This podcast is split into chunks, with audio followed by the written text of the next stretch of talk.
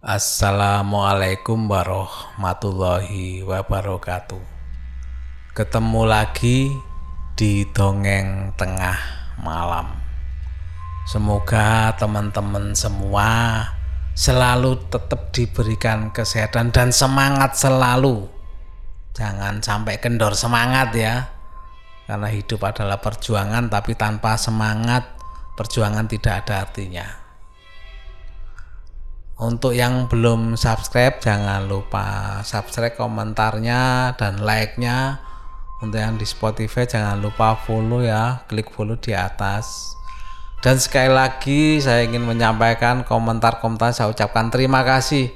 Walaupun saya tidak membalas semua komentar, tetap uh, saya membaca dan saya sangat senang sekali dan semakin semangat untuk membawakan cerita-cerita di dongeng tengah malam ini. Kali ini saya masih tetap akan membawakan cerita kiriman ya. Ini ada kiriman dari maaf nggak uh, ingin disebutkan namanya. Kita sebut saja namanya Mas NN ya. Mas Mas NN ini mengirimkan tentang keganjilan yang terjadi di rumah yang pernah dia tinggali. Langsung saja ya ke ceritanya. Mas NN ini adalah seorang perantau dari Pulau Jawa ya. Beliaunya ini tinggal di sebuah kota di provinsi yang letaknya di timur Pulau Sumatera.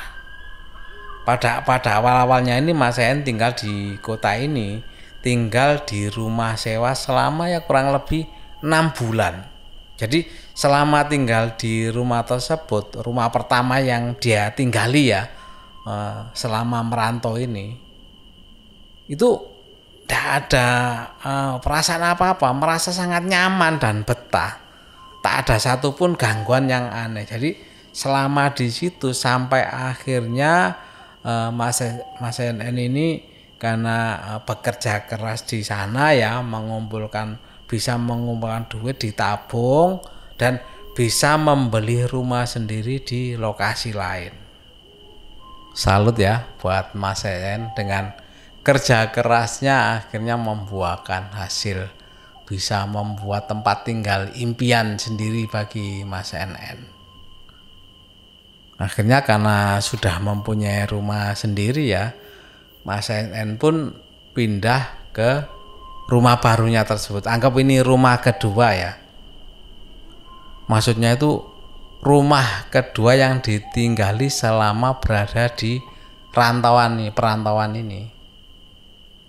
Seperti di rumahnya yang pertama ditinggali, Mas di rumah kedua ini juga merasakan nyaman, ndak ndak ada hal-hal yang menurut Mas ini mistis ya.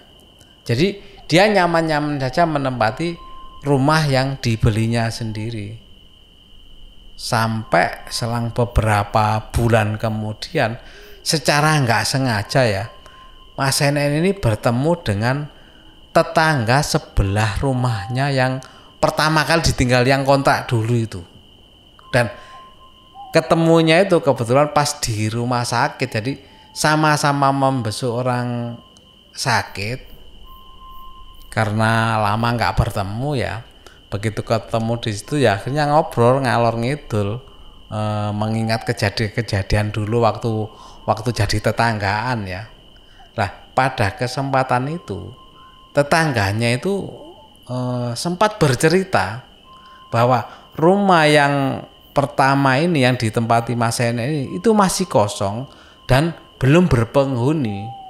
Tapi ngerinya katanya setiap malam itu mereka selalu mendengar perempuan mandi sembari bersenandung. Kebetulan memang posisi kamar mandi rumahnya ini bersebelahan dengan ruang keluarga ruang keluarga rumah tetangga tadi. Makanya mungkin mereka bisa mendengar jadi suara-suara dari rumah di tempati Mas Hesen pertama itu.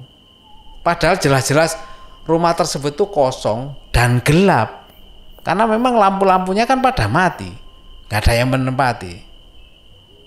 Mendengar cerita itu Mas NN pun merasa aneh. Karena apa? Selama Mas N tinggal kan nggak nggak waktunya dikit loh lebih kurang enam bulan ya.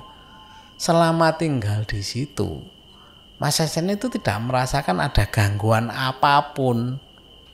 Bahkan tetangga-tetangga pun nggak pernah membicarakan ada keanehan-keanehan di lingkungan tersebut. Makanya Mas N juga merasa e, ngeri juga ya e, takut juga gitu loh mendengar cerita dari tetangganya itu. Tapi katanya tetangganya tadi kan tetangganya tadi memang bersebelahan waktu itu ya tinggal uh, sama uh, kontrakannya itu kan bersebelahan sama Mas En seperti yang saya ceritakan tadi. Mas En dan tetangganya juga sama-sama merasa aneh karena dulu nggak ada apa-apa. Tapi karena memang kenyataannya tetangganya cerita seperti sudah Mas En juga antara percaya dan tidak percaya. Karena Mas Em nggak nggak ngalami hal-hal itu waktu tinggal di situ. Bahkan merasakan hal nyaman gitu loh tinggal di situ itu. Ya Mas Em hanya bisa geleng-geleng kepala aja. Demikian juga di eh, rumah tinggal yang kedua yang dibeli sendiri ini ya sama Mas En itu merasa sangat nyaman bagi Mas Mas NN dan betah tinggal di rumah ini karena seperti rumah pertama ditinggali dan rumah kedua ini pun bagi Mas Enen itu memberikan kenyamanan. Bahkan rumah yang kedua ini yang dibeli sendiri ini sempat ditinggali Mas En sampai lebih kurang lima tahun ya sampai kemudian e, Mas En ini memutuskan untuk menjual rumah kedua ini kepada seorang polisi. Karena Mas En mau pindah ke rumah baru. Jadi alhamdulillah bisa beli rumah lain ya lebih besar mungkin lebih lebih anu ya lebih luas. Makanya rumah yang kedua anggap rumah kedua ya ditinggali kedua ya selama merantau ini. Ini dijual sama Mas Yen ke polisi tersebut dan setelah rumah kedua ini terjual Mas Yen pun ya nggak nggak mencari e, mencari informasi ya gimana yang tinggal setelah dia nggak nggak adalah ngorek-ngorek keterangan seperti itu. Sampai uh, lebih kurang satu tahun ya setelah rumah itu dijual setelah pindahan Mas NN ke rumah yang ketiga ternyata ada kejadian aneh juga yang berulang suatu hari Mas NN ini mendapatkan telepon dari temennya sebut saja Robi ya yang ternyata telah menjadi pemilik baru rumahnya yang kedua tersebut. Rupanya rumah yang kedua ini sudah berganti pemilik dalam waktu tidak lebih dari satu tahun. Agak janggal juga sih e, waktu mendengar telepon dari temannya Robi ini. Kok dia menjadi pemiliknya dari rumah yang kedua ini. Padahal dulu Mas En jelas-jelas bahwa dia dijual ke seorang polisi karena melihat rumahnya Mas En waktu itu merasa seneng gitu loh dengan rumah yang ditinggali Mas En yang kedua itu dalam telepon setelah ngobrol sana sini ya karena kan temen ya Robi pun akhirnya mencapai menyampaikan keluhan yang dialaminya di rumahnya yang kedua e, dari Mas Mas NN ini Mas Robi mengeluhkan bahwa mengeluhkan keangkeran rumah tersebut Nah, Mas En bingung. Maksudnya rumahnya angker gimana? Wong selama ditinggali nggak ada masalah, nyaman-nyaman saja. Bahkan kata Mas Ese, Mas En, kalau memang rumah itu angker, nggak mungkin dia bisa bertahan sampai lima tahun tinggal di rumah itu. Tetapi Robin ini ngotot bahwa rumah rumahnya yang ditinggali sekarang bekas rumahnya Mas En ini bahwa itu bener-bener angker. Akhirnya karena uh, ada argumentasi ya karena Mas En merasa bahwa rumah itu nggak ada masalah. Uh, nggak berdasar uh, Robi menyampaikan bahwa rumah itu angker. Akhirnya sudah karena uh, atau nggak nggak ketemu Robi pun akhirnya bercerita kejadian-kejadian yang dialami selama dia tinggal di rumah itu bahwa menurut Robi ini bahwa dia hampir tiap malam itu diganggu. Jadi tiap malam itu katanya selalu ada yang mengetuk pintu rumahnya, tapi begitu dibuka pintu itu tidak ada siapa-siapa dan yang paling membuat Robi ketakutan adalah pada suatu malam Robi kan pulang rumah eh, sekitar pukul 2 dini hari. Begitu masuk rumah dilihatnya istrinya itu sedang sibuk di dapur. Waktu itu Robi pun agak heran masih jam 2 pagi istrinya kok sudah sibuk di dapur? Tapi ya sudahlah mungkin ada ada kegiatan uh, yang lain atau apa ya. Sempat disapa sama Robi tapi yang disapa ini istrinya di dapur itu hanya diem saja. Dan Robi waktu itu masih positive thinking ya. Mungkin karena kesibukan istrinya uh, apa namanya nggak memperhatikan dia berkata atau mungkin menjawab sambil lalu ya sudah. Akhirnya sama Robi ya ditinggalkanlah uh, istrinya di dapur tadi untuk masuk ke kamarnya. Begitu masuk ke kamar kan maksudnya Robi mau berganti baju ya karena habis kerja kan. Begitu masuk ke kamar betapa kagetnya Robi ini. Karena apa? Di kamarnya dia menemukan istrinya itu sedang tidur pulas dengan mengenakan pakaian atau daster yang sama persis dengan eh, yang dilihat istrinya pada waktu itu di dapur. Lah, terus yang di dapur tadi siapa? Melihat kenyataan itu otomatis Robi ya eh, bisa dibayangkan ketakutannya. Karena apa?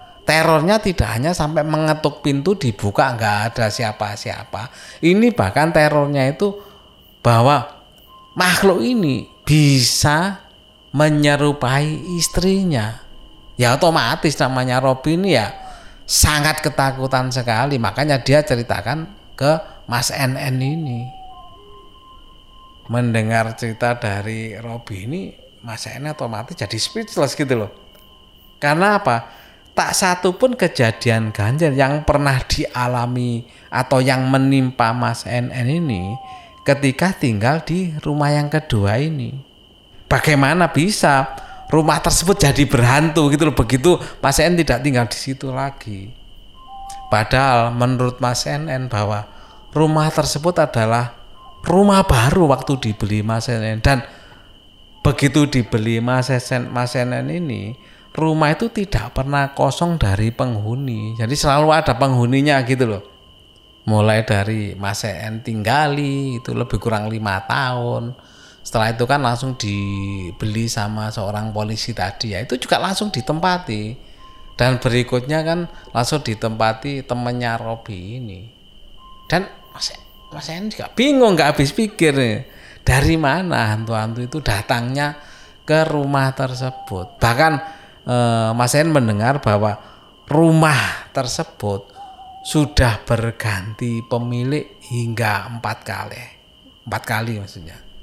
Dan sampai sekarang Mas En juga bingung, nggak tahu kok bisa jadi seperti itu. Dan sampai sekarang Mas En pun nggak tahu jawabannya gimana. Yaitu tadi kiriman dari cerita Mas NN mengenai rumahnya. Barangkali ada dari pendengar yang oh, pernah mengalami hal yang sama atau lebih kurang sama ya bisa komentar. Mungkin Mas NN bisa mendapatkan jawaban dari teman-teman pendengar dongeng tengah malam. Karena apa? Mas NN pun sampai sekarang tidak tahu jawabannya itu gimana karena masih nggak merasa terganggu tapi berikutnya kok oh, merasa terganggu. Bahkan kalau dihitung ya dari rumah pertama rumah kedua dan rumah ketiga ini sampai sekarang mas juga nggak nggak ada merasakan hal-hal kejanggalan eh, yang dialaminya ya sampai di rumah yang ketiga ini. Demikian cerita dari dongeng tengah malam. Mudah-mudahan teman-teman semua bisa terhibur dan bisa sejenak uh, melupakan apa yang kita alami saat ini yaitu wabah corona ini. Terima kasih dan saya akhiri wassalamualaikum warahmatullahi wabarakatuh.